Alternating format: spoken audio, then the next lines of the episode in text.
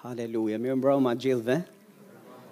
Haleluja, i japim Zotit lavdin për gjitha gjërat e mira që ai ka bërë në mesin tonë e po bën përmes nesh. Amen. Secili prej nesh, secili prej jush është pjesë, edhe i japim Zotit lavdinë. E di, uh, më kujtohet historia e një shërbyesi të Zotit një herë në një predikim, vite më përpara. Dhe mbaj mend ilustrimin që përmendi, dhe ilustrimi që përmendi ishte e tillë. Uh, kalonte një elefant i madh, gjithmonë kalonte në një, në një pjesë ku kishte milingona. Dhe sa herë që kalonte uh, elefanti, ua prishte ato foletë, mbasi ishin lodhur e munduar shumë t'i ndërtonin, më në fund, ca nga milingonat e guximshme thanë e di ça do bëjmë? Mjaft është mjaft. Domethënë, mjaft është mjaft. Dhe çfarë bënë? Hipën në pemë, hipën nëpër degë pemësh dhe thanë kur të na kalojë herës tjetër elefanti që këtej, ne do t'i hidhemi në shpinë. Edhe do ta hamë elefantin. Edhe kështu bënë. Po ndërkohë që po bënin këtë gjë, Domethënë pa ish, ishin ca të tjerë të cilët ishin po thonin ej, është e kotë, është mundim i kotë. Edhe iu kthyen njërit nga nga atyre milingonave që e kishte kishte kafshuar elefantin, imagjinoni gjithë ai elefant as që e ndiente fare. Mm, e kishte kafshuar edhe nuk e lëshonte atë pjesën që kishte.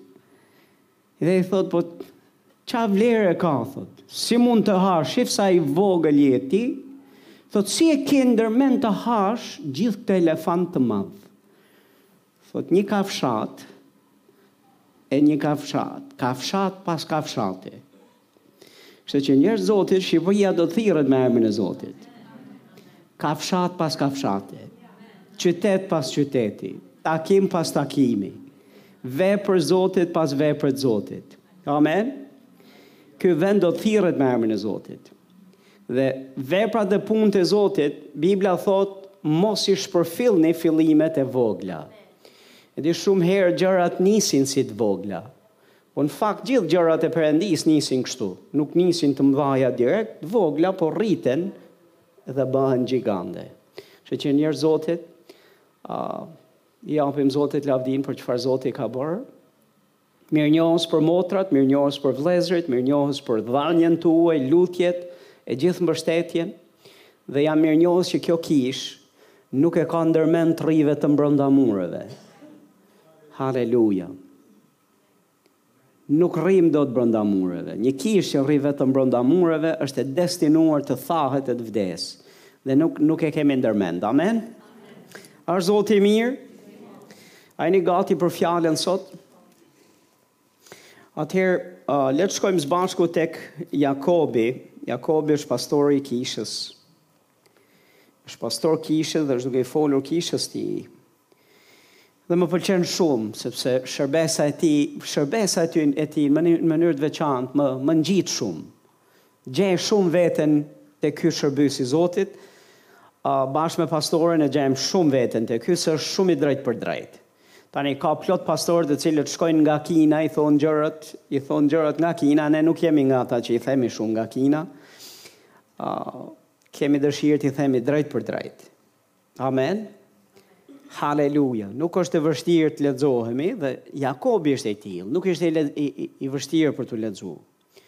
Kishte zemër mbas kishës të fortë, po le të lexojmë disa gjëra që dua t'i ndaj me ju sot. Jakobi kapitulli 5, Këto janë vargje që jam i sigurt ju jeni i keni lexuar më përpara, po sot do shohim diçka këtu. Vargu 13 thotë a vuan ndonjë nga ju thotë le të lutet, le ta themi bashkë le të lutet. Nuk thotë le të shkojë tek pleqtë e kishës, nuk thotë të shkojë me vrap gjënë e parë që duhet të bëjë është të shkojë të takojë pastorët. Nuk thotë të shkojë dhe të dalë me vëllezër e motra, nuk thotë t'i futet të qarës dhe vajtimit, nuk thotë të bëjë viktimën, nuk thotë të hypë në majë në kat të pestë dhe të hidhet nga kati i pestë. A vuan ndonjëri nga ju? Thotë çfarë duhet të bëjë? Duhet të lutet. Alternativa e fëmijëve të Zotit, alternativa e kishës është që të shkojë, të shkojmë dhe të lutemi. E di ka plot situata dhe rrethana në jetë, të cilat në vetvete janë shtrënguese dhe po prodhojnë prodhojnë një farë vuajtje, prodhojnë një farë dhimbje. Po ne lavdrojmë Zotin se ne kemi ku shkojmë me vuajtjen tonë, kemi ku të shkojmë kur vuajmë, kur jemi në nevojë. Dhe atje ku ne duhet të shkojmë pikë së pari është tek Zoti. Le ta themi bashkë të lutemi. Me këto iu tha Jakobi, kishës.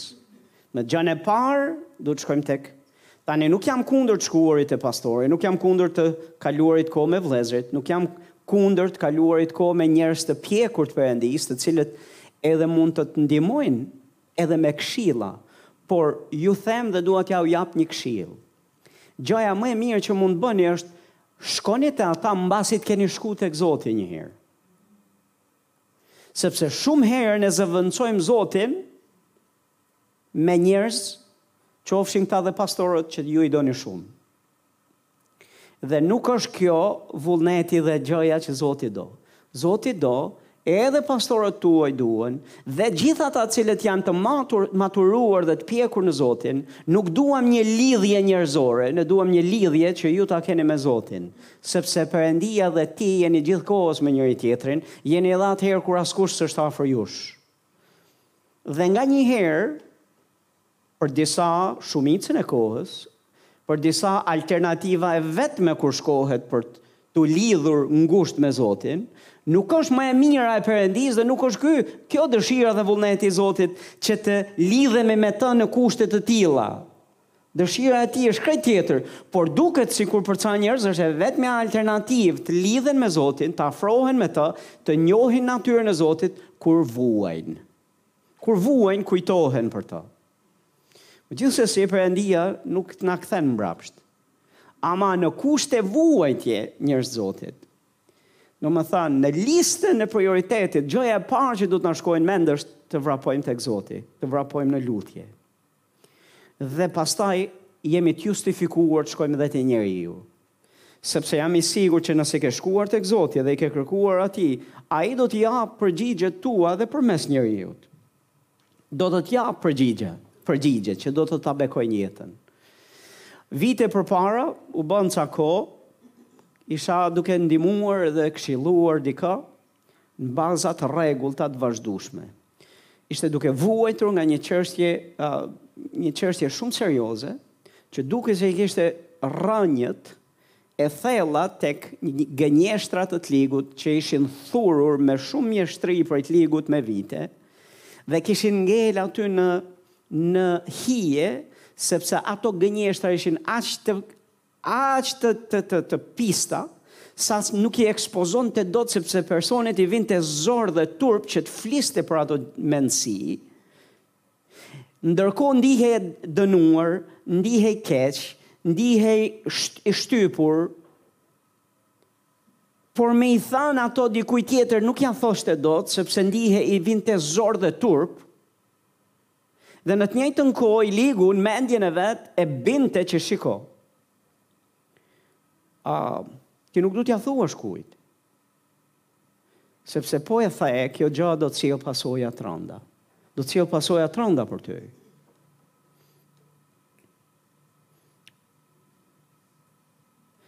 Dhe në bisedë e sipër, mbasi mbas një periudhe kohe, këshillimi dolën në padi ca nga këto gjëra dhe pak nga pak filluan të dalin dhe doli nevoja për të dëgjuar të vërtetën. Bibla thotë e vërteta do të na bëjë të lirë. E vërteta do të na bëjë të lirë. Dikush thot amen. Dhe duke u marrë me, me atë individ, për çdo ditë,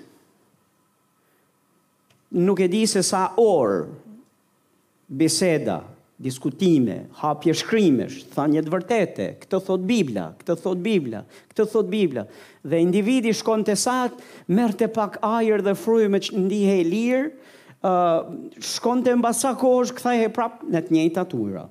Përsëri do t'ia nisnim nga zerroja. Kjo thotë, këtë thotë fjala e Zotit, këtë thotë fjala e Zotit, këtë thotë fjala e Zotit, këtë thotë fjala e Zotit. Një liri e përkohshme, pastaj kthehej përsëri, përsëri, përsëri, përsëri, dhe t'ju them të drejtën, erdhi një pikë ku u lodha dëshpërimisht vetë. U lodha.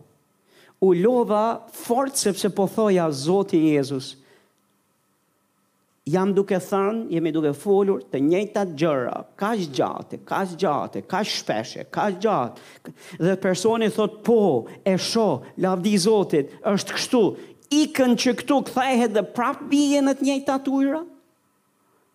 E duhet t'ia nisje edhe një nga fillimi? T'i thoje personit, m'i thuaj se çfarë të, t'është thanë, m'i thoshte 1 2 3 4. I thoshte gjëra që i i di si gjëra. Çështja se prapë ndihej në kushtet që ishin. Akoma ajo e vërtetë, ajo fjalë nuk kishte dhënë efektin e vet çlirues tërësisht. Sepse thashë ato gënjeshtra ishin thurur me vite, ishin thurur mirë. Prej të ligut. Dhe sapo ti do të çminoje një gjë, minohej një tjetër. Sepse kishte prekur shumë, shumë fusha. Dhe mbaj mend që kam shku tek Zoti, dhe nuk është qëllimi im që të flas për individin, fjalën, jam duke fol për situatën, si pastor. Dhe mbaj mend që shkova tek Zoti, më në fund shkova te Zoti. Dikush thotë pastori shkoi te Zoti. Pastor thoni shko më shpesh. Haleluja, shumë shumë përulëse. Amen. Uh, sa prej jush u bekuat nga pastor Gary Kraul uh, radhës kaluar. Shërbyes i Zotit. Me thanë, ai burrë i Zotit ka qenë në shumë kontinente e vende të botës, Perëndia ka bërë gjëra të mëdha përmes tij, ka mbjell kisha, ka pastorizuar kisha, mësues, mësuesish, bekim, ta njohësh nga afër. Po planifikonim ardhjen e tij në regjistrimin e mësimeve të shkollës Rema dhe ndërkohë që po planifikonim për ditët, ai ka filluar një kishë mbjellje të re, një kishë të re, edhe po përpiqeshim gjenim orarin dhe kohën. Dhe ndërkohë që po bënim këto oraret, më pyet, kur është koha jote e mirë, i them, dita e mërkurë. Dita e shtunë dhe dita e diel është shërbes është ditë kishe. Thashë dhe nuk nuk e bëjmë dot. Po kemi këto ditë të tjera. Më shkruan dhe thotë, edhe për mua thotë, është ditë kishe, dita e shtunë dhe atë ditë unë e marr përpara Zotit për t'u kujdes për kishën. Okej, dhe unë marr vesh pak më vonë për t'u pregatitur se ça do i jap kishës. Njëzet veta ka në kishë. Dhe ai është burrë i Zotit që unë e njoh që mjafton t'ia japësh t'i thuash merre mikrofonin dhe fol dhe është nga ai burri i Zotit që shumë nga mësimet e Remës e shkollës Biblës janë bërë prej tij. Nuk ka nevojë, nuk është se është bosh. Nuk është se nuk di se çfarë t'u thotë njerëzve dhe nuk ka se çfarë të thotë njerëzve. Po më përuli jashtëzakonisht shumë kur unë mora vesh që ajo kishë është janë foshnje në besim, se janë të rinj, janë as 20 veta nuk janë, Dhe ai ato mësimet e qumështin e fjalës është ka një jetë që ia u jep njerëzve dhe thotë njështu unë atë ditë unë e marr kohë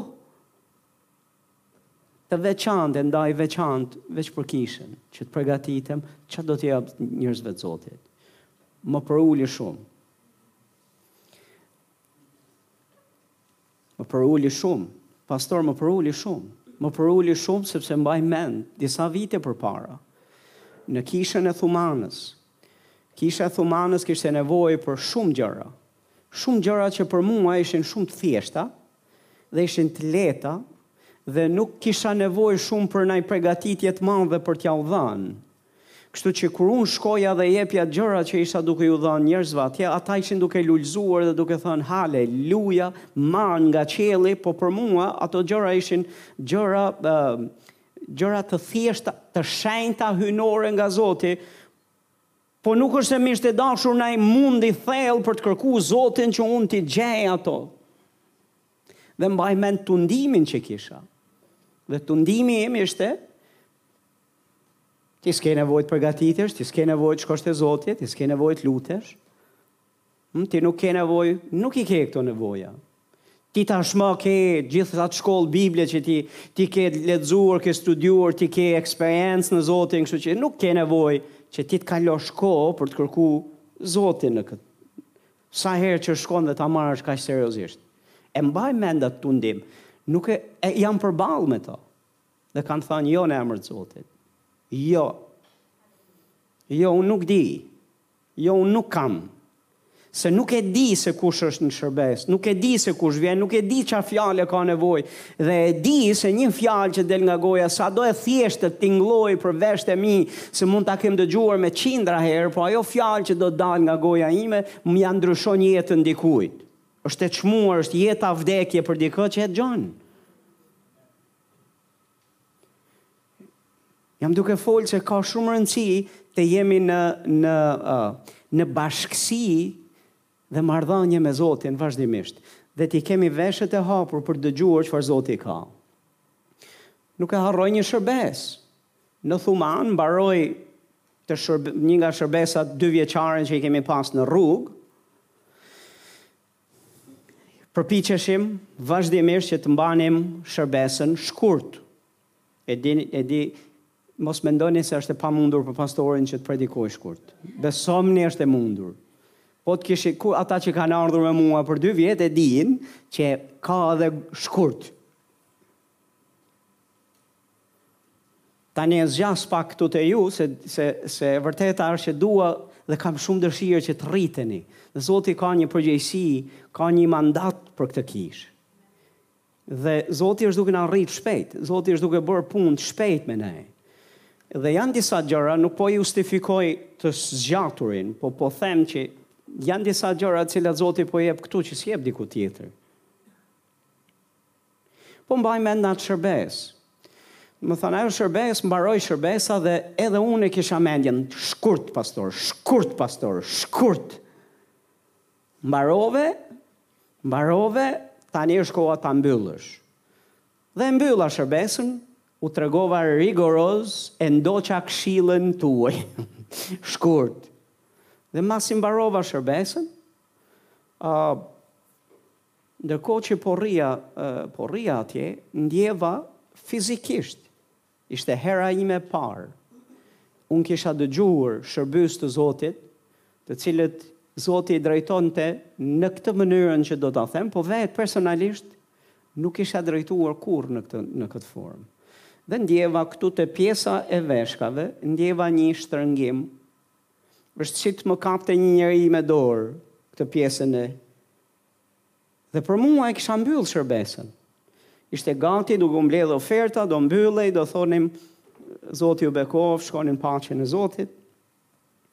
Dhe ndjeva këtë po nuk ishte dhimbje. Nuk ishte se kisha në, po kisha një shtrëngim dhe menjëherë sa e ndjeva, ishte si dorë, dhe jam i sigurt që ishte dora e Zotit. Dhe e ndjeva fizikisht këtu dhe Zoti menjëherë ndalova, thashë, po kjo? Dhe dëgjova zërin e Zotit që më tha, këtu ka njerëz që janë duke vuajtur nga veshkat dhe nga mesi. Dhe duhet që ti të lutesh për ta. Tani ishte pikërisht momenti ku unë do, doja të ikja. Mendova se mbaruam, mbaroi shërbesa. Kur e bëra këtë thirrje për njerëzit dhe thashë këtu ka njerëz të cilët kanë pikërisht këtë nevojë dhe kanë nevojë për lutje, më shumë, nuk e di se sa, tetë, nëntë veta, nuk e mbaj mend se sa, ngritën dorën që e kishin atë sfidë dhe Zoti i çliroi atë ditë. Nuk e di kush ka qenë në atë shërbesë. Ne dhe Nikolt. Po kemi qenë ne dhe Nikolt, pas kemi qenë gjithë. Haleluja.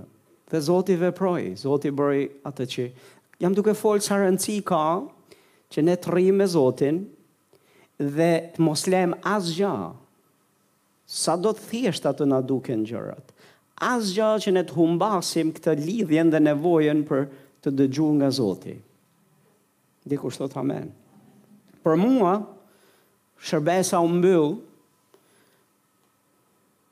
dhe uh, kam përshtypjen se u detyru Zoti që të më kap fiziki, fizikisht, që të më tërheq vëmendjen dhe të thotë, hej, S'ka mbaru. Nuk ka mbaru akoma. Ka akoma gjëra për të bërë. Kështu që ka shumë rëndësi lutja. Po ju kthehem tek personi që e këshilloja dhe shkoj në prezencën e Zotit dhe i them Zot, kjo gjendje këtu është duke më sfilit mendërisht, Po më ezauron mendërisht, po më shteron, sepse as nuk di më ç't'i them se këtij individi se jam duke i thënë të njëjtat gjëra me orë, me ditë, me muaj, a e dini se ç'a do të thotë apo jo, me kohë të gjatë dhe nuk jam duke pa zero ndryshim. Nuk po shoh progres. Gati gati ishte dëshpëruese dhe po ndihesha si i dështuar. Tani nuk është se më nuk po jepja këshilla, dhe s'po jepja këshillën, sepse po shqyrtoja, ore, nuk po jap këshillën e duhur, nuk po jap fjalën. Dhe e mbaj mend këtë gjallë, që Zoti më tha këtë pje, këtë gjallë. Që asgjë nuk e ndryshon dhe asgjë nuk e zëvendëson, më shkurt, asgjë nuk e zëvendëson fuqinë e lutjes. Asgjë nuk e ndryshon atë dhe nuk duhet ta zëvendësojë qoftë edhe shërbesa e fjalës.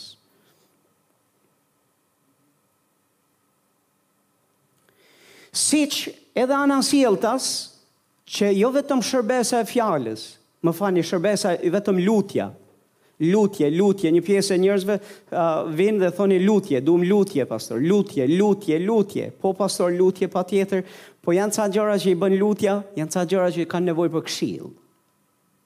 Shkojnë me njëra-tjetrën për po të balancuara, ama lutja ka rol të rëndësishëm.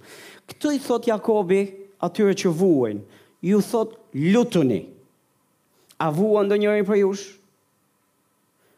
Pastor, jo veç që vuajm, po dua t'ia tregoj t'gjithëve që vuaj.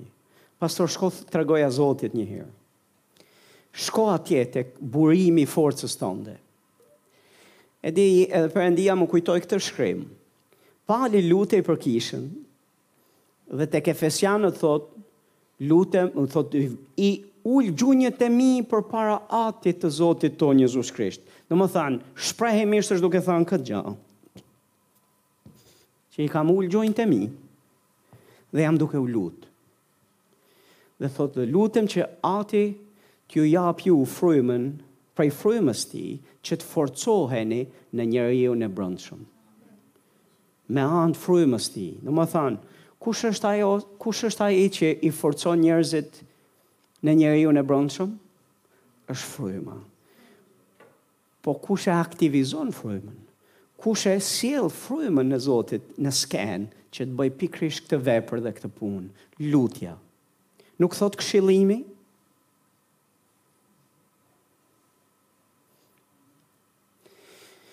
Dhe duke theksuar këtë gjë, njerëz Zotit, nuk po heq asgjë, nuk po i heq, nuk po çbëj rëndësinë e këshillës. Rëndësinë e fjalës Zotit, rëndësinë e të dëgjuarit nga pastorët e nga shërbyesit e Zotit që janë të pjekur apo vëllezër të maturuar, nuk po i çbëj këto. Por unë besoj dhe kërkoj që ne të mësohemi të shkojmë tek ai i pari. Të shkojmë tek ai i pari. Dhe pastaj, momentin që ti mësohesh dhe i merr përgjigje direkt prej tij, që meqë ra fjala ai vetë ka dëshirë që ti të dëgjosh direkt prej tij. Amen, direkt prej tij. Ai do që ti ta njohësh personalisht atë, ai do që ti t'ia dëgjosh zërin. Uh,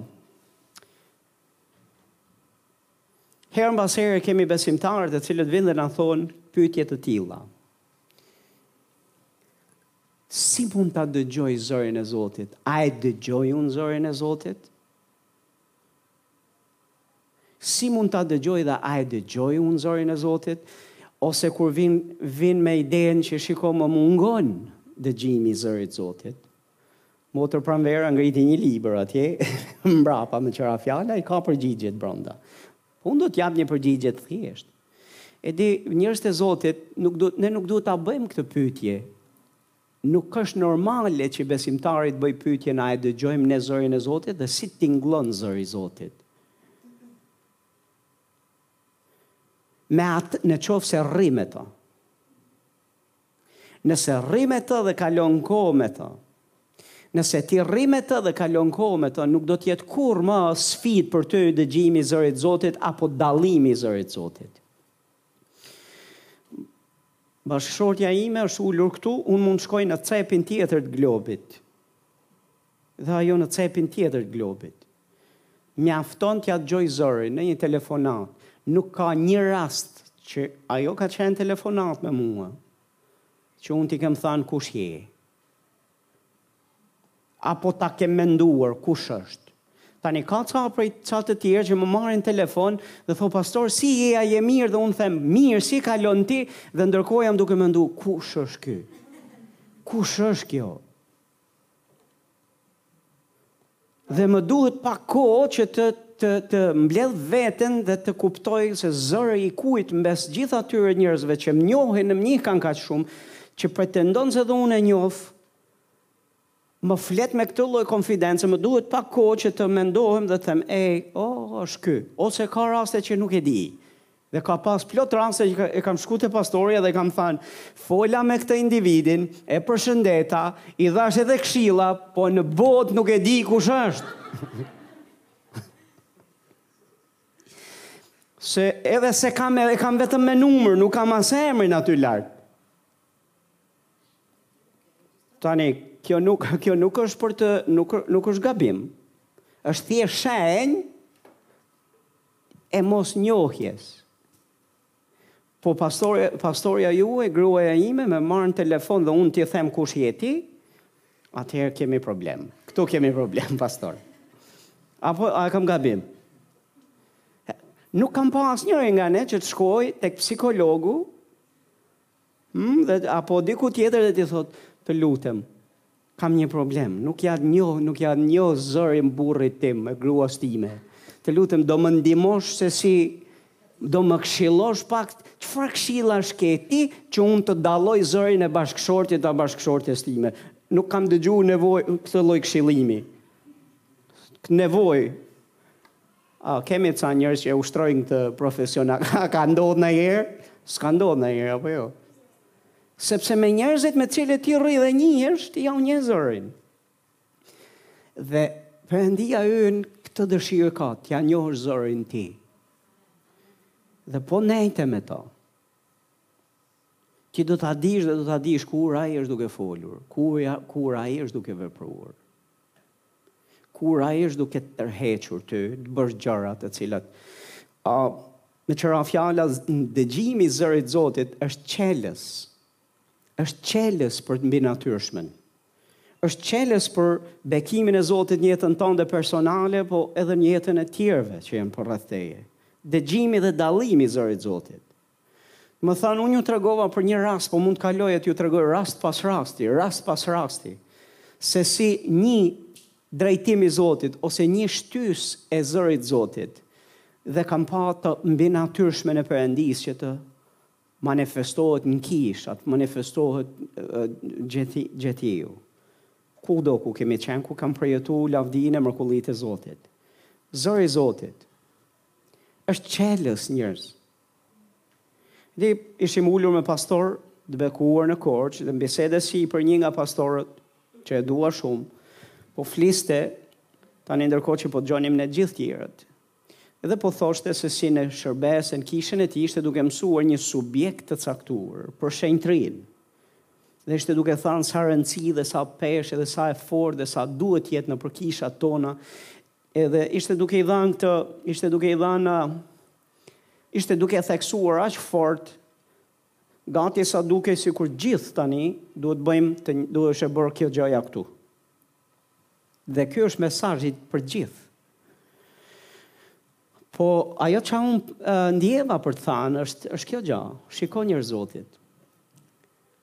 Po tregoja se çfarë na foli ne Zoti në Thumanë, kur ne kemi shkuar në Thumanë. Ë, kur ne kemi shkuar në Thumanë për shembull, në kohën e parë ne kishim a 15 a nuk e di, maksimumi një 20 veta, po shumë e shtyme kjo.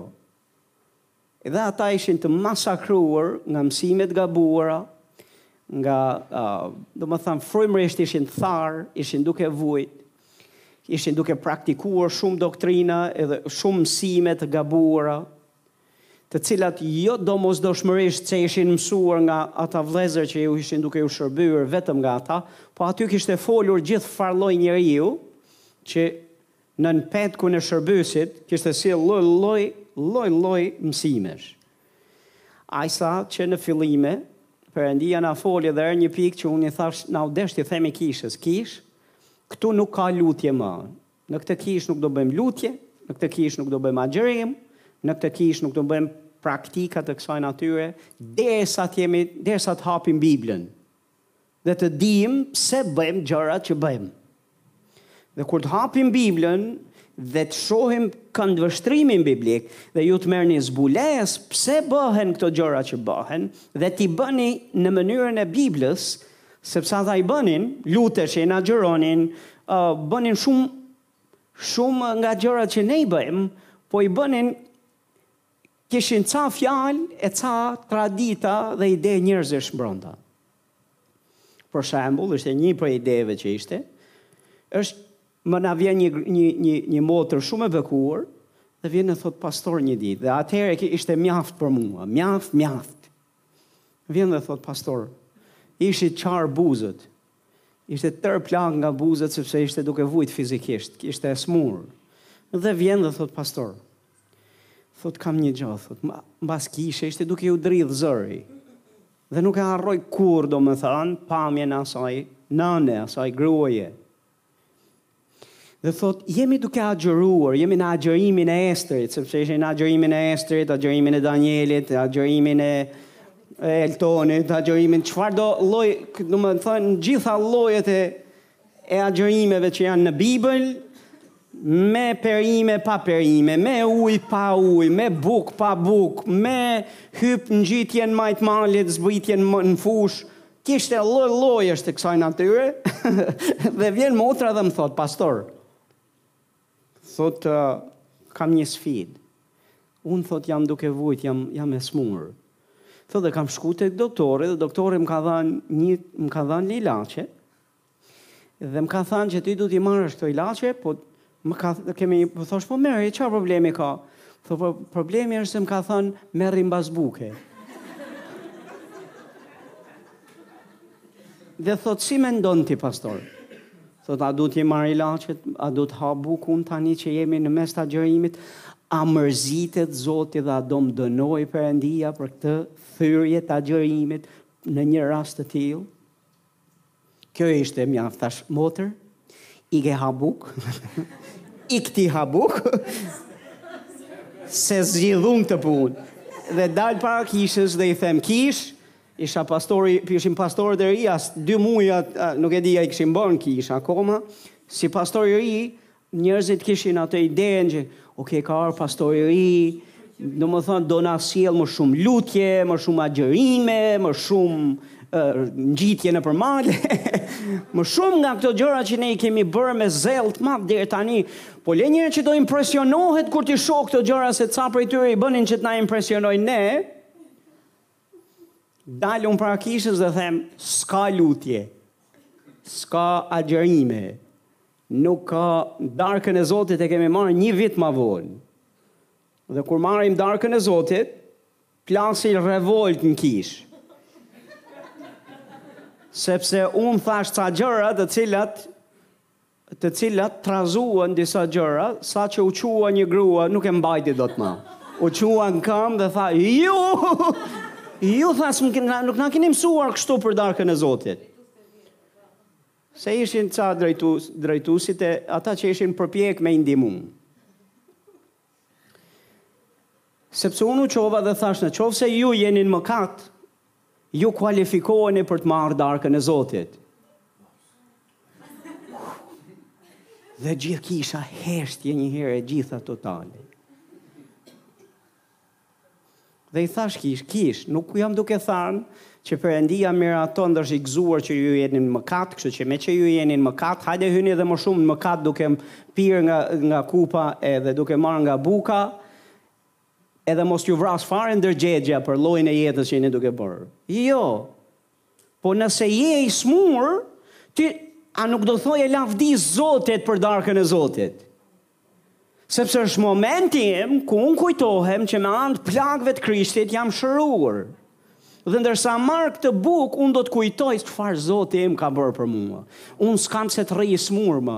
Unë s'kam pse të jem nën peshën e dhimbjeve dhe smundjeve më, sepse gjak, sepse trupi i Jezusit u thye për mua. O Jezus, unë e marr shërimin tënd, e marr mrekullinë time sot, Faleminderit që përmes këtij rituali të shenjtë unë kujtoj që me anë plagëve tua jam shëruar dhe është rasti, shansi im, mundësia ime mezi pres t'marr darkën e Zotit.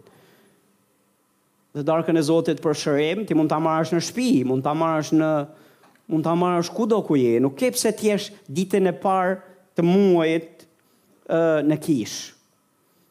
dhe duhet të ta shërbejnë motrat tona të shenjta, të cilat do ta mbajnë, do ta mbajnë në një farë mënyre ato elementet e darkës Zotit, dhe kur ti të afrohesh, duhet të afrohesh, dhe ti mund të kesh qenë duke qesh deri aty, haleluja...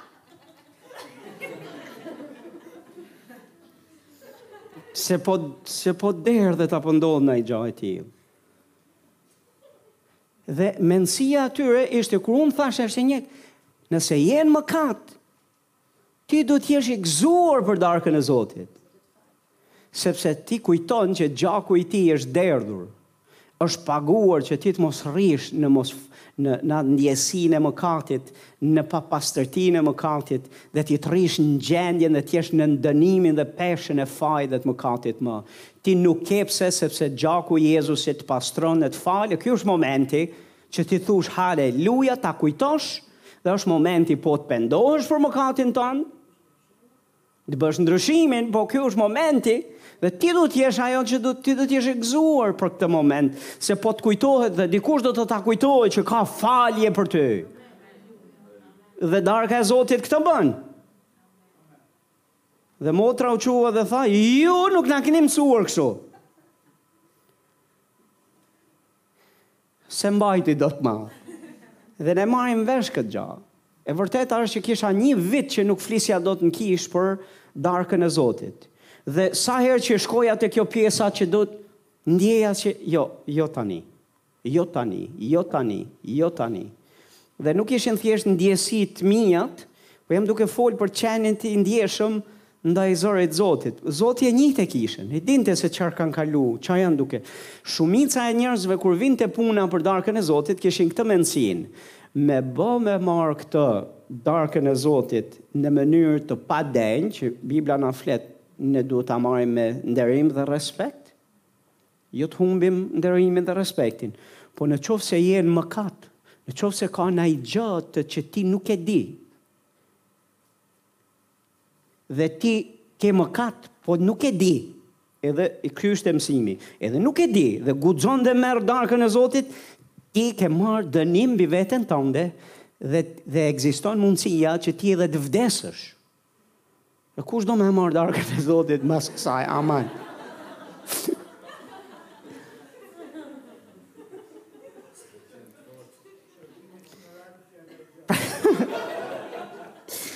Prandaj, prandaj Zoti Jezus thotë kishte domethënë erdhi darka koha e darkës Zotit, më erdhi koha e darkës fundit me dishepujt. Jezusi u tha atyre shkoni në një vend Të mrekullushëm në një dhomë të sipërme që është pregatitur, është mirë. Dhe kur erdhi koha që do ndante pikërisht këtë mesazh me dishepujt dhe do hante atë darkë me ta, tha mezi kam pritur, me gzim të madh kam pritur që kjo ditë. Te kisha fjala gjallë, kjo ishte moment zije. Tani Zoti e dinte këto nevoja, i dinte këto gjëra. Dhe jam duke thënë që Zoti na drejtoi në mënyrë hyjnore që t'i themi kishës, ë, t'i mësojmë këto gjëra. Jo lutje, jo agjërime, jo përgjërime, jo zvarritje dhe lot pa fund të cilat i shohim në në emër të zellit për Zotin dhe dashurisë për Zotin, Shihnim disa skena të besimtarëve të cilët me të thënë të drejtën dukej që ishin vuajtje, jo, jo liri në Krishtin. Dhe Zoti më foli qartësisht në atë kishë. Dhe më tha, nuk dua që të flasësh për mëkatin deri kur të të kem thënë unë. Dhe kaloi mbi mbi një vit çdo shërbesë Unë kam folur kush janë në Krishtin, çfarë ka bërë Krishti për ta, çfarë ata mund të bëjnë në Krishtin. Dhe Biblia flet plot për këto.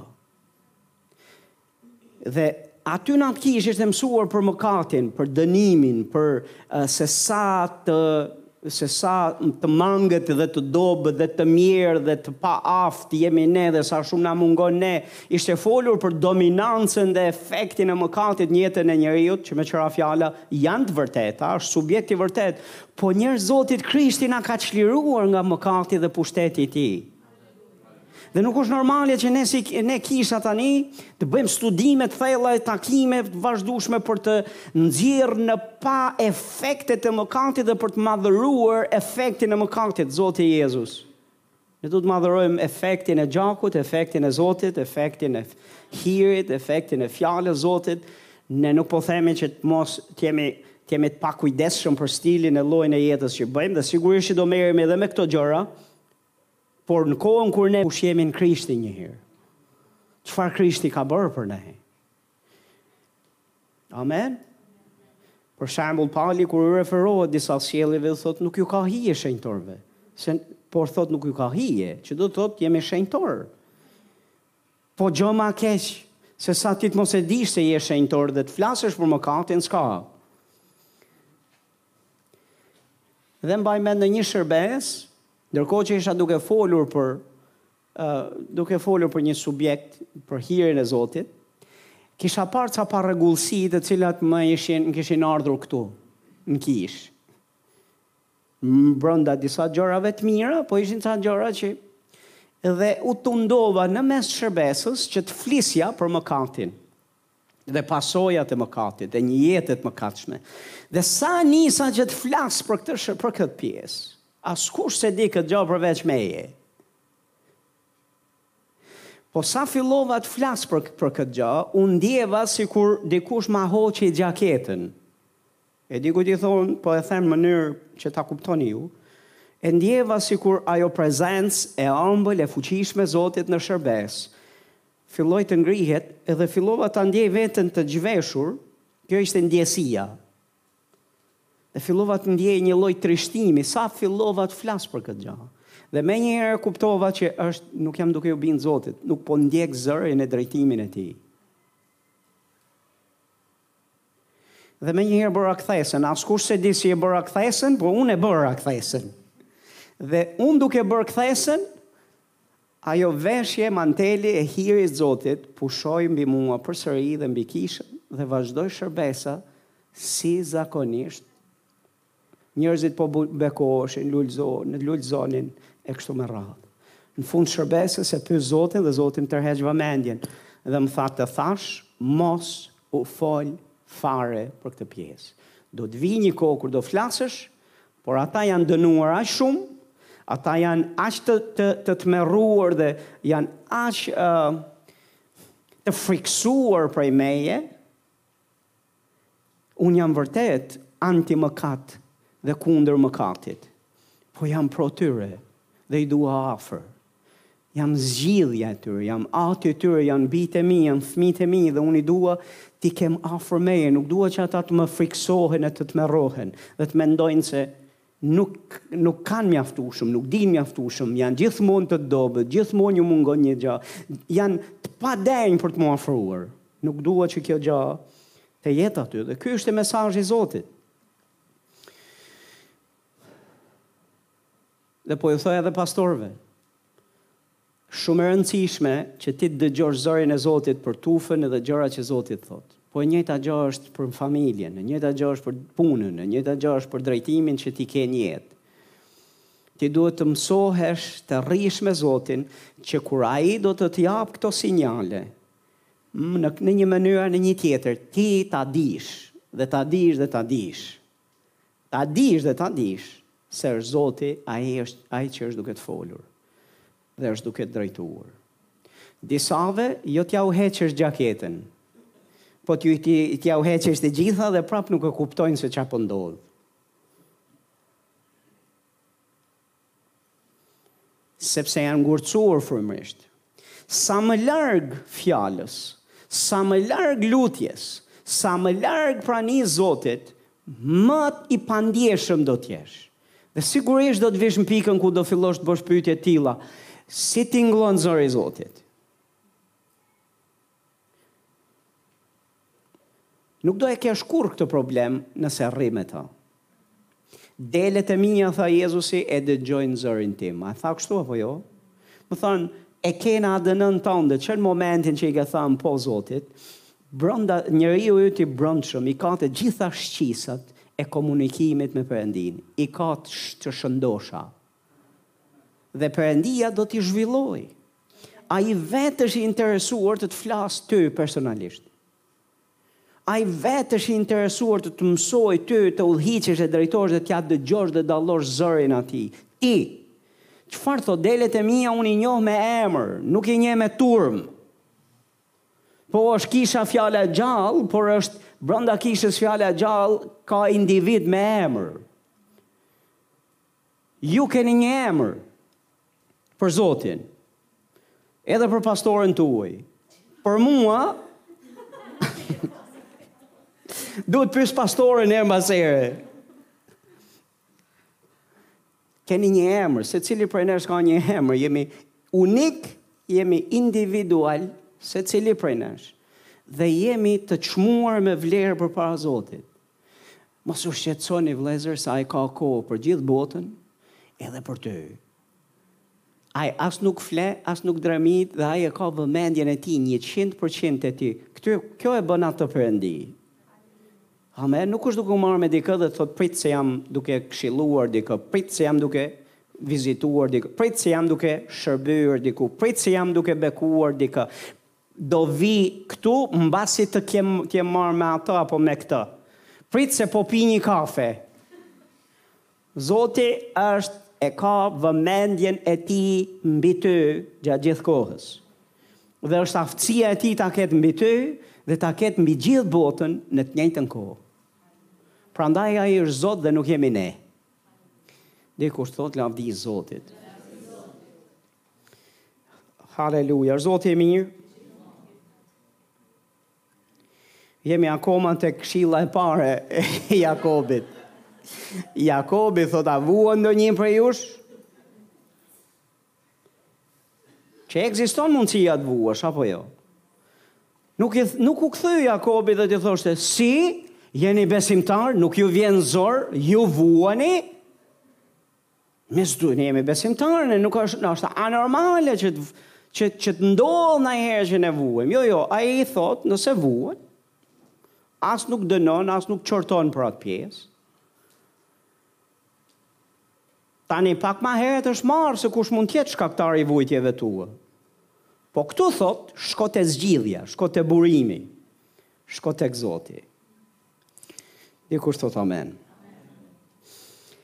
Pastor në qoftë se kisha e Zotit dhe ata që vuajnë mësojnë të shkojnë tek Zoti në fillim kur të shkoni te edhe në kontakt me njerëz të vajosur apo në kishë apo kudo ku jemi do të vijnë përgjigjet e Zotit dhe do të lexohen ju fola për individin në fjalë që lodhesha e lodhesha e lodhesha dhe gjërat nuk ngjisnin ishte si ti nuk ngjiste asgjë thuj t'fol si të duash Përsëriste mbas meje, përsëriste të njëjtën gjë. A është kështu? Ë, po, është kështu. Sa mbaronte pak kohë, ktheheshe përsëri në të njëjtat, në të njëjtat gjëra që dukej se nuk ishte marrë ajo e vërtetë, nuk ishte ngjit. Po kur shkojmë te Zoti, meqë ra fjala individi në fjalë është i lirë, e ia japim Zotit lavdinë, por ça e bëri të lirë? Kombinimi i t'gjithave. Po një zakon jashtëzakonshëm i mirë te ai individ është që shkonte te Zoti. Shkonte te Zoti me lot. Me lot, po gjithë kohës duke shku te Zoti. Dhe erdh pika ku ngjiti mesazhi, ngjiti fjala. Dhe Zoti e gjeti mënyrën për me për uh, me me e bind për atë çfarë ishte duke folur. Kombinimi i të dyjave. Po kur shkojmë tek Zoti, Perëndia sigurohet që na sjell ndihmën që na duhet që të dalim nga gjendja dhe nga vujtja që ne kalojmë. Tani e di që ka plot njerëz në trup, ka plot njerëz në kishë, të cilët vuajnë nga lloj-lloj gjërash. Disave ju japim zë, disave nuk ju japim zë. Disave kisha ka mësuar që t'i fus një buzëqeshje që te dera atje, siç e ke të njëjtën buzëqeshje kur del nga shpija që ta shohin kolegët dhe njerëzit të cilët ti nuk ke dëshirë që të shohin përtej buzëqeshjes tënde, po të njëjtën e sjellim edhe në kishë. Po jam këtu për t'ju thënë që Zoti është i interesuar çfarë është mbas buzëqeshjes. Çfarë është mbas asaj? A ka vërtet, a ke vërtet zemrën tënde e lirë, a je vërtet në paqe, a je vërtet i gëzuar, vërtet i qeshur ashtu siç ti e paraqet veten, vërtet janë gjëra duke ec si duhet. Haleluja. A vuan, thotë ndonjë prej jush, le të lutet. A është i gëzuar, thotë ndokush? A është ndokush i gëzuar, o vëllezër, sot? Haleluja. Thotë, a është i gëzuar ndokush. Domethënë ndodh që në kishë mund të jetë ndonjë edhe i gëzuar. Haleluja, thotë. Ai që është i gëzuar, le të këndojë psalme. Këtë gjë duhet të bëjë, të këndojë psalme. Tani, ca prej jush, sado të gëzuar që të jeni, të lutem këndoji psalmet me veten tënde. Po aman këndoji! Pse? Sepse do, duke kënduar psalme, himne, fjalën e Zotit, duke i dhënë zë gëzimit tënd në këtë formë, do e mbash atë gëzim dhe do e shpërndash dhe te të tjerët. Edhe Kisha e Zotit ka nevojë për gëzim. Ne na u mësua dhe na u fol dhe nuk mendoj se është rastësi apo jo. Sepse Zoti na do të gëzuar. Në gjithë rrugëtimin tonë ka plot gjëra të cilat ne nuk i kemi që do t'i marrim. Po ne s'kemi arsye që të jemi të trishtuar dhe të mërzitur pse nuk i kemi gjërat të cilat ne do t'i marrim, sepse gjithë jetës do kemi ca gjëra që ne do të jemi duke i marrë në të ardhmen. Po kemi plot arsye për të thënë haleluja për çfarë Zoti na ka dhënë. Haleluja për çfarë kemi. Haleluja për çfarë dimë. Haleluja për zbulesat. Haleluja që jemi gjallë, që jemi mirë, që jemi me shëndet mirë ata që janë mirë. Kemi plot arsye për të qenë të gëzuar. Gëzimi i Zotit është forca jonë. Dhe kishë e Zotit, haleluja, duhet ta praktikojmë më shumë gëzimin e Zotit. Duhet t'ia kujtojmë vetes. Dhe qëllimisht duhet të themi, hej, ngrije kokën, ti ke arsye për t'u gëzuar. Ti ke arsye, sepse më i madhi është ai që është brenda teje sesa ai që është në këtë botë. Ti je bir i Perëndisë, ti je bijë e Perëndisë. A e di o njeri çfarë do të thotë të jesh bir i Perëndisë? Ti nuk je njeri i zakonshëm si gjithkush tjetër, ndonëse aparenca jote është e zakontë si e gjithë të tjerëve, po a e di ti se çfarë privilegjesh dhe çfarë uh, Bekimesh mbart mbi vete, e di kush është brënda teje, e di kush pushon mbi ty, e di ena e kujt je, e di fëmija i kujt je, e di që nuk je varfanjak, po je trashëgimtar i Perëndisë, gjithçka që ai ka është e jotja. Ti je bashkëtrashëgimtar me Krishtin, Krishti ka thanë këtë gjë, Unë do e ndaj trashëgiminë time me vëllezërit e mi. Ça është e imja, është dhe e jotja. Ça Jezusi ka, është e imja. Çfarë Ati ka, është e imja. Po ku është o pastor? Pastor, jo domosdoshmërish, po t'i kishe të gjitha, më lini t'jua ilustroj pak, se nganjëherë, me, ne, ne i shohim gjërat me mendje, me mendje mishore, nga një mendje mishore. Nuk kam pse t'i kem unë të gjitha, që t'i shohësh ti se unë i kam të gjitha. Nuk kam pse t'i kem fizikisht të gjitha, që ti ta shohësh që unë i kam të gjitha. Mjafton t'i ketë Ati im të gjitha dhe në kohën kur më duhen të jenë aty, për mua mjafton. Se po t'i kishe ti dhe unë të gjitha ato që ai i ka, nuk do mund t'i mbaje pastor. Se janë shumë.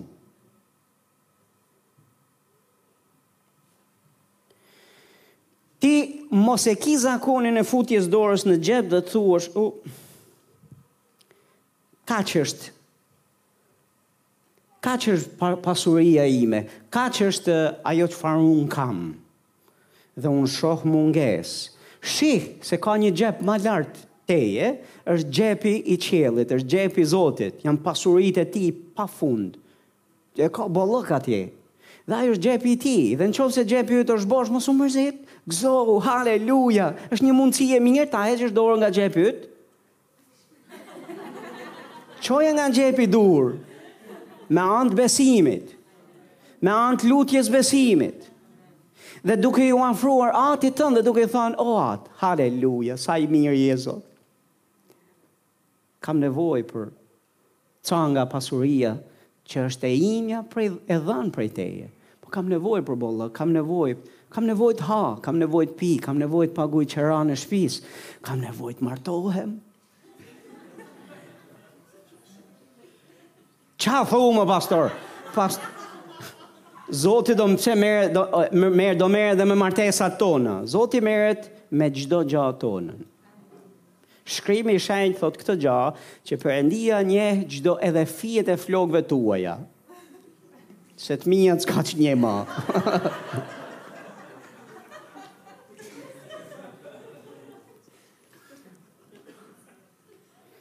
Por, po ta pyesim ai mban mend dhe sa kam pasur unë, dhe sa më kanë rënë, jam i sigur. Dhe kush m'i ka shkaktu rënjen? Dhe unë do ta pys në qill për gjitha këto detaje. Po besomni ai i di gjitha. A jeni këtu? Po pse thot Biblia që ai i ka të numëruar edhe fijet e flokëve tona? Se zoti s'ka ça bën tjetër, kështu që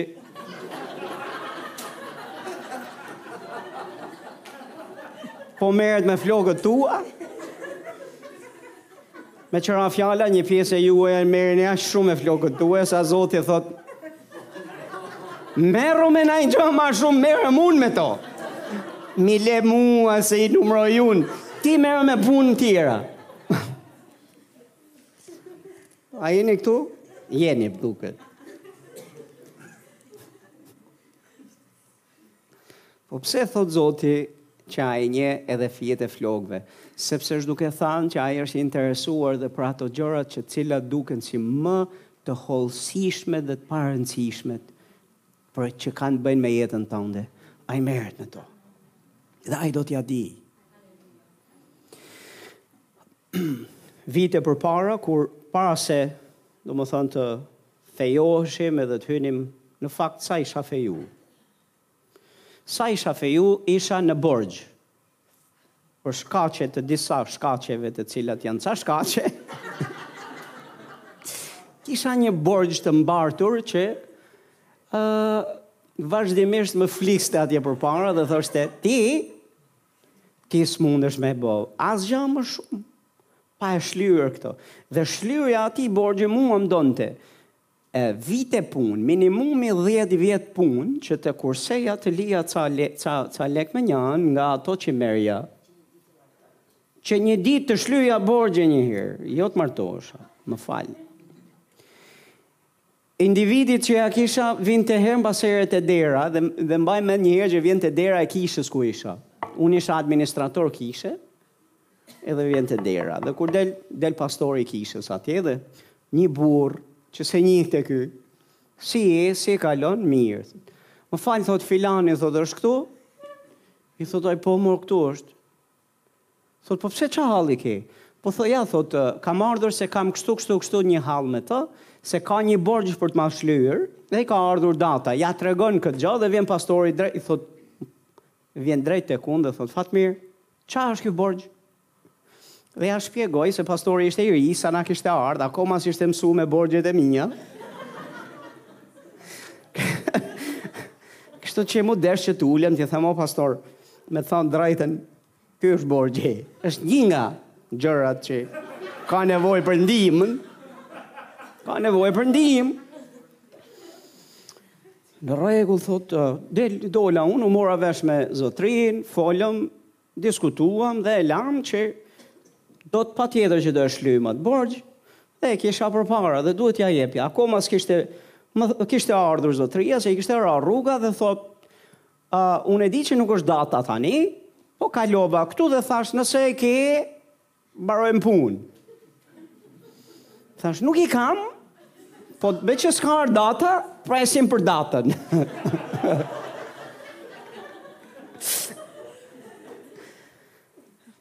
Në atë kohë, uh, sa u uh, fejova me pastoren. Dhe mezi prisja të mbaronte shërbesa, puna që bëja atje dhe do shkoja të dilja me të dashurën time në bjeshkë të nalta. Dhe ne dilnim. dilnim, pinim kafe, pinim çaj, pinim ça të na dilte përpara. E mbaj mend herën e parë që shkuam, shkuam në një restorant, çfarë do erdhi ai ai edhe na pyeti, çfarë doni të Uh, kemi, çfarë keni, thashë unë, të lutem, se s'e kisha mendjen fare. Thotë, ne kemi, sot e kësaj dite do të shkojmë atje të hamë atë që kemi, që e them tani. dhe i them atij, dhe thotë, ça, ça ke, thotë, ja, thotë, kemi antipasta, kemi këto, kemi... Na e sill një antipasta, s'un as e kisha idenë se ça ka antipasta, as doja t'ia dija ça ka antipasta. Erdhi na e solli një pjatancë të madhe me, me, me gjëra antipaste. Aty, a e hëngrëm, thuaj. Jo, a i paguam lekët, thuaj. Po, i paguam lekët. Dhe, a? As e morëm me vete? Po s'merrnim gjo me vete në atë kohë. Normalisht ajo shikon sytë e mi, unë shikoj sytë e asaj. Dhe ndërkohë kamarieri merrte lek këtu, merrte lek atje, merrte iku, iku kafja këtu, iku çaji atje. Dhe këto ishin vendet e takimit tonë se ne s'kishim vend tjetër takimi. Metoda ma kryesore ku mund të rrinim me njëri tjetrin dhe të bënim një bisedë me njëri tjetrin ishte kjo. S'mund të shkonim në kishë dhe të uleshim, kjo shikon sytë e mi, unë shikoj të saj. Se kisha është vend i shenjtë, dore, nuk shohim këto gjëra.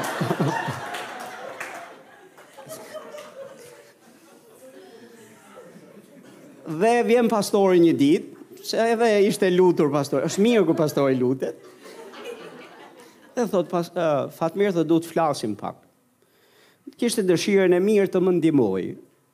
Dhe më thotë, ulemi flasim pak. Thotë, uh, tashti e shikoj, ai e dinte se sa të ardhura kisha, e shikoj se çfarë je duke kaluar. E mora vesh që ke atë borxhin që duhet t'ia japësh këtij zotërisë në këtë kohën. Ti je fejuar, jeni duke e shoh që je duke dalë dhe je duke bërë shpenzime, se shikoj që takoheni bashkë sa në një kafe, sa në një restorant, sa në një tjetër. Shpenzime je duke bërë këtej. Dhe përpara ke edhe dasmën. Si e ke menduar idenë e dasmës? Se me këtë mënyrë ti kur do martohesh dhe a ke bërë ndonjë plan financiar dhe si do ia dalësh atje? Thashë me të thënë të drejtën o pastor, E kam bërë një plan. Cili është plani? Plani thashë është është ky. Plani është thashë jam tërësisht duke i besu Perëndisë dhe fjalës tij që gjithçka do të jetë okay me mua dhe në kohën e duhur çdo gjë do të jetë në vendin e vet. Tani, uh, Pastori u përpoq të më ndihmojë ca në anën e natyrshme, kështu që nuk po flas për anën e për gjërat e tij frymërore, por po flas për gjën fizike, që nuk ishte iniciativë e keqe. Po iniciativa e tij ishte e tillë, u ul dhe më thotë, Shiko, dakord, ti je duke besu frymërisht. Po fizikisht, ça je duke bërë? Ti vetë për borxhin, për këto gjëra të tjera, ça je duke bërë? Dhe me thënë të drejtën nuk kam se ça bëj.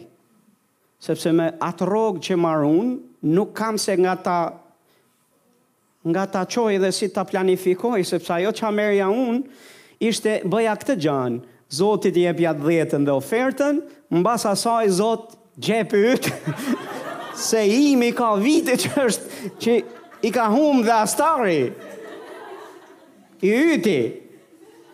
Dhe dhe me vite isha mësuar të marr nga xhepi i Zotit. Është gjë e mirë njerëz të Zotit të marrësh nga xhepi i tij. Kështu që është mirë të rrish me to. T'ia dëgjosh zërin, besomëni është mirë të rrish afër tij. Dhe nëse je duke vujt në këtë fushë, ku duhet të shkosh? Te pastori, pas... jo te pastori, jo.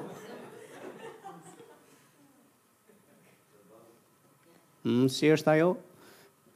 Te mullari. Për ata që e dinë. Mm, okay. Haleluja. Dhe bën një llogari dhe thotë, po prit, hajde ta bëjmë një llogari, thotë, sepse unë besoj që ti dhe duhet të mësosh të menaxhosh disa gjëra. Okej, okay, le t'i menaxhojmë bashkë tash, pastor, le të ulemi. Dhe i menaxhojmë.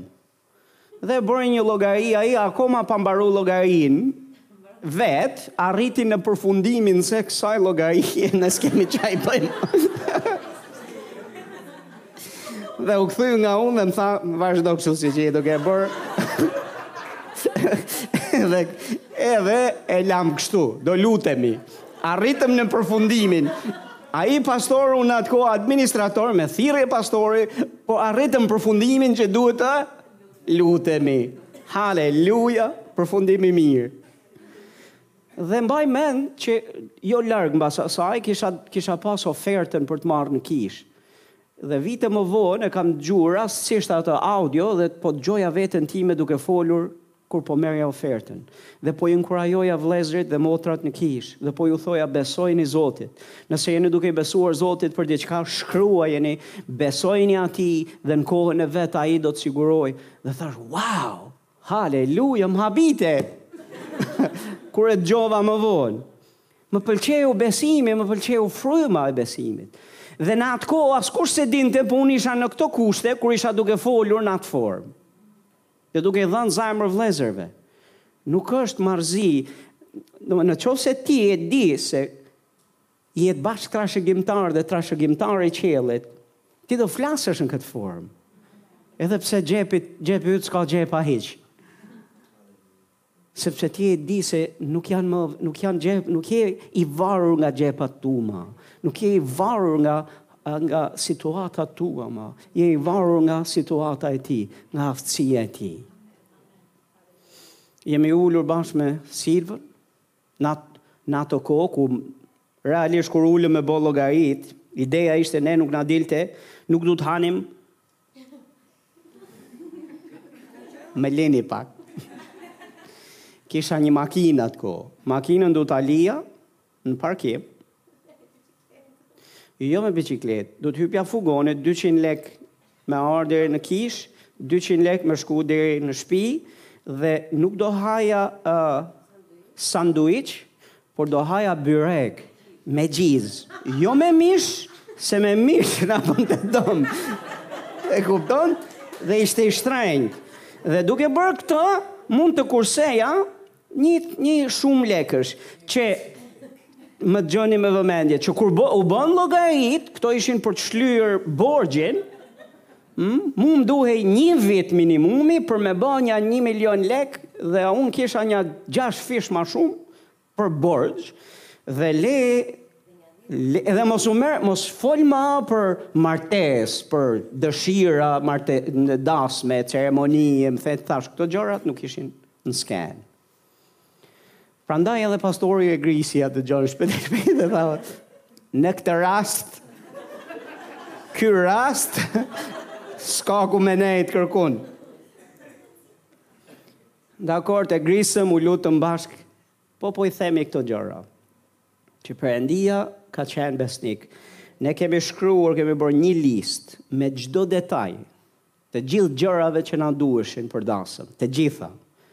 Jo gjë, jo të shtrënguar, po kemi bërë një listë ku ne do donim që të ishte kjo, të ishte kjo, të ishte kjo, të ishte kjo. Kemi mbjellë patjetër, kemi dhanë farën tonë nga jo se na dilnin lekët për farë. Zoti jep farën gjithmonë. Këtë po, Aah pastor ktheu njëherë nga unë të të pyes një gjë, nëse xhepi jot është shumë i shpuar sa s'ka as farë aty ti je në hall të madh. Po Zoti ja jep i jep farën mbjellësit dhe bukë për të ngrënë. Dhe ju kam thënë nëse të mungon buka, ka shumë mundësi ke lënë mbjelljen. Sepse është premtim nga Zoti, mbjellësit i jep këto dy gjëra. Farën për të mbjell dhe bukë për të ngrënë. Dhe në qoftë se të mungon fara dhe të mungon buka, s'je duke mbjell, duhet t'i kthehesh mbjelljes. Dhe po them këtë gjanë që ne i shkruam gjitha gjërat. Të gjitha detajet, çdo gjë për cilën ne ne kemi shkruar atje, Zoti i ka siguruar në mënyrë të mrekullueshme. I plotësoi dëshirat tona, për veshje, për unaza, për gjitha gjërat që ka një dasëm. Dhe në atë kohë ishim shlym borxhin për një kohë të shkurt. Ça është dhe një gjë tjetër ma e çmendur është se ku do rrimë, ja u martuam, ku do rrimë? Tashi ne vërtet ishim dashuruar, shiko sytë e kësaj, kjo e unë sytë e... Kjo shi sytë e mi dhe unë sytë e saj. Po sa do zgjaste kjo kohë, do na duhej një strehë. Dhe ups, po nuk kemi shpi, do gjejmë një shpi me qera. E gjetëm një shpi me qera.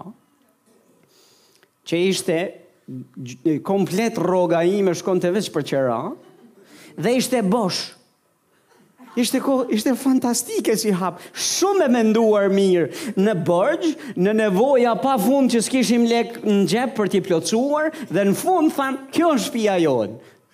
Kjo është shpia jonë vetëm plakat. E kishim nevojë për krevat, e kishim nevojë për gjitha gjërat. Ia nisa që nga gjëja më e rëndësishme.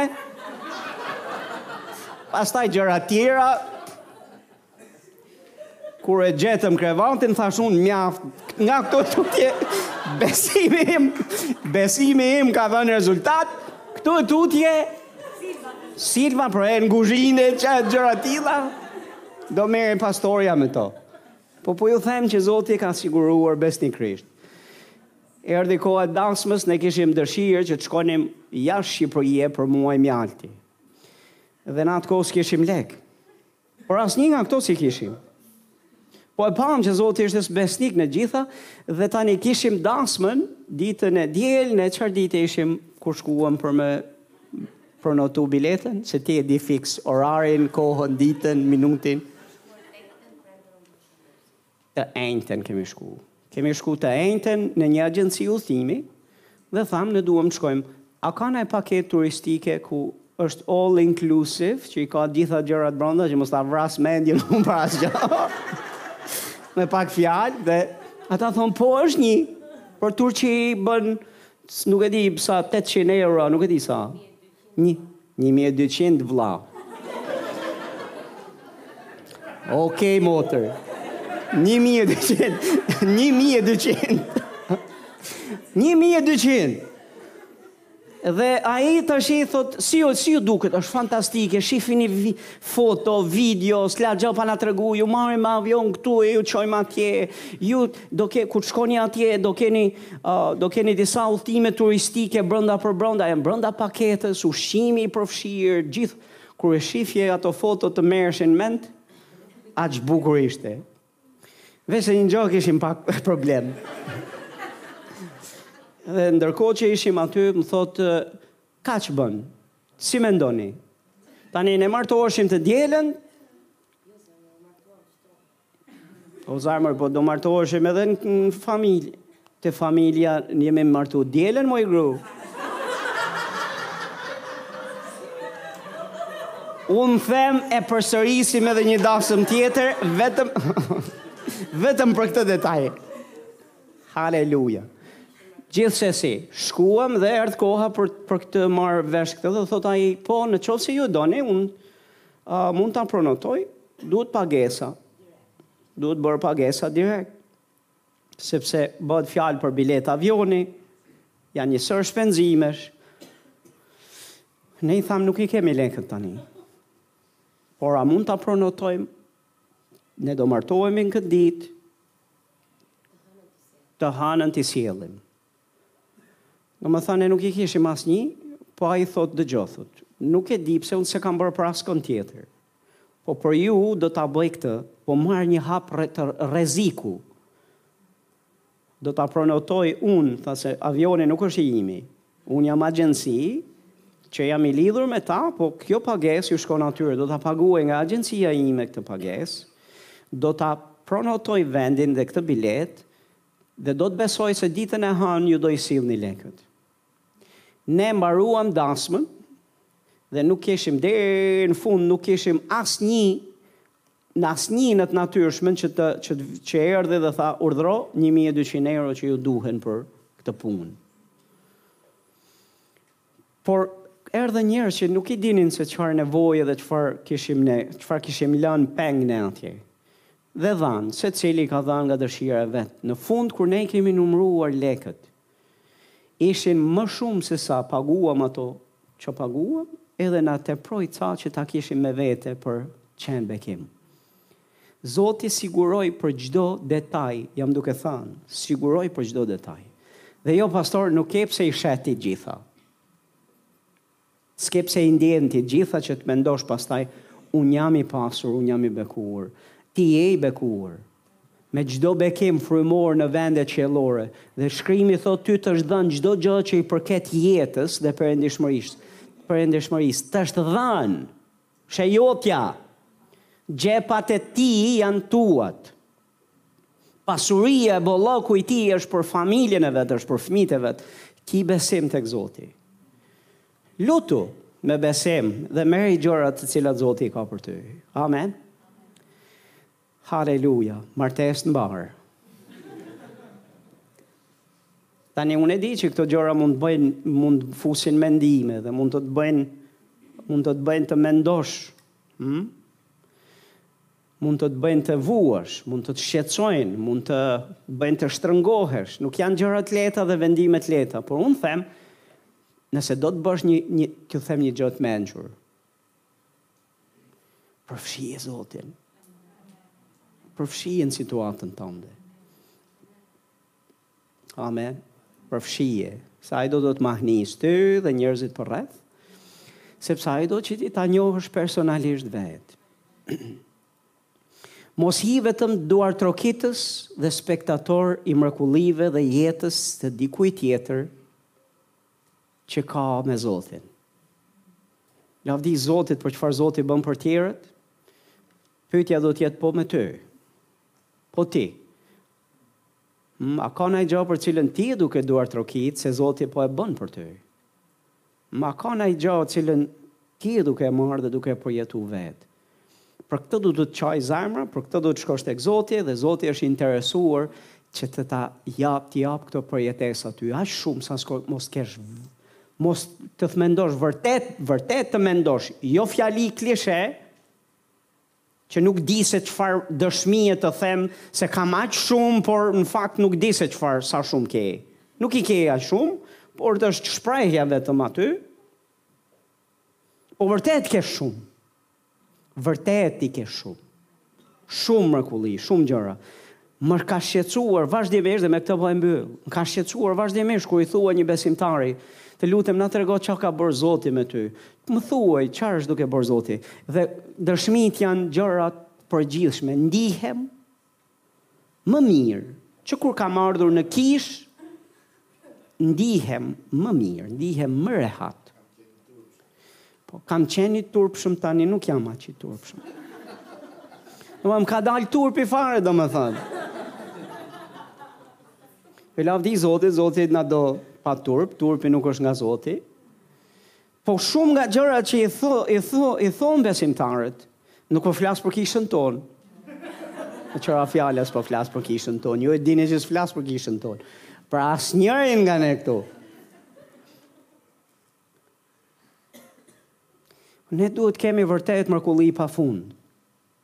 Vërtet duhet jemi duke thanë, çfarë ka bërë Zoti për mua, pastor a ke kohë, ose njerëz a keni kohë, ulu, Ulu të të them se ça Zoti ka bërë për mua, se të them unë, ja si jam shpëtuar, ja kush kam qenë, ja se çfarë kam pas, çfarë vesesh kam pas, çfarë lloj jete kam pas, tani jam ky.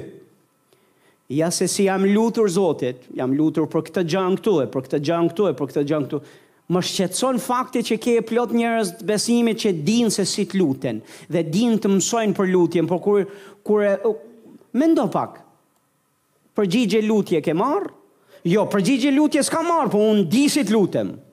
Dhe di dhe t'i mësoj tjerët se si të luten. Oh, me vërtet.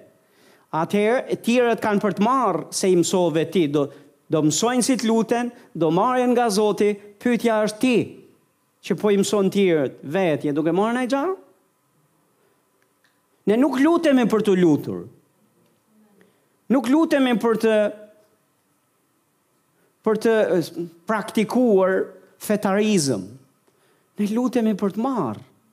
Dhe nëse s'merr, duhet të shqetsojë kjo gja. Ti duhet të bësh pytjen, pse nuk e mora? Ça ka që s'shkon me mua? Çfarë bëra gabim, pse nuk e mora?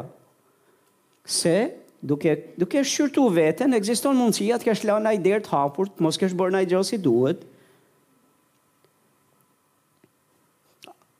Ne nuk hyjmë në shpi nanjëherë dhe themi, oh, s'paska drita.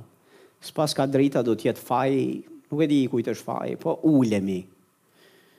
Edhe s'bëjmë asgjë. Jo, more, shkojmë i provojmë një herë çelësat, shkojmë i provojmë, shkojmë një herë atje te automati, ka dritë, s'ka. Ka Shkojmë te pallati atje poshtë, shohim një herë në pallat ka drita, në lagje ka drita, nëse ka lagje, lagja drita, nëse ka në shpijat përreth drita.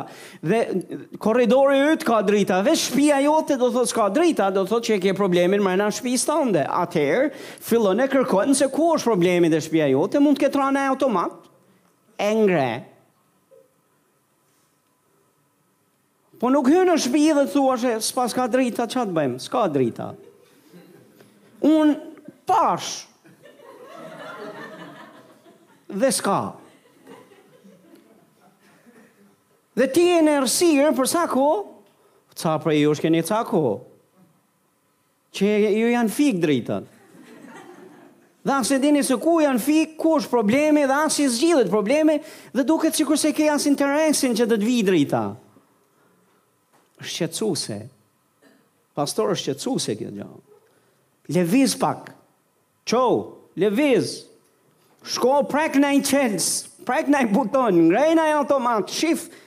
Dhe këtu nuk jam duke folë për dritat e shpisë tënde, se pak më intereson, edhe nëse rri gjithë jetës në errësirë, edhe pse në këtë kohë të qytetëruar, Elektrifikimi i botës ka është bërë me vite para. Po më intereson drita e shpirtit tënd, drita e zemrës, e jetës tënde. Më intereson a është a janë dritat e qiellit duke ndriçu jetën tënde, familjen tënde apo jo. Dhe nëse jo pastor, i pari që s'duhet të jesh rehat ti dhe ta pranosh këtë realitet, duhet të jesh ti.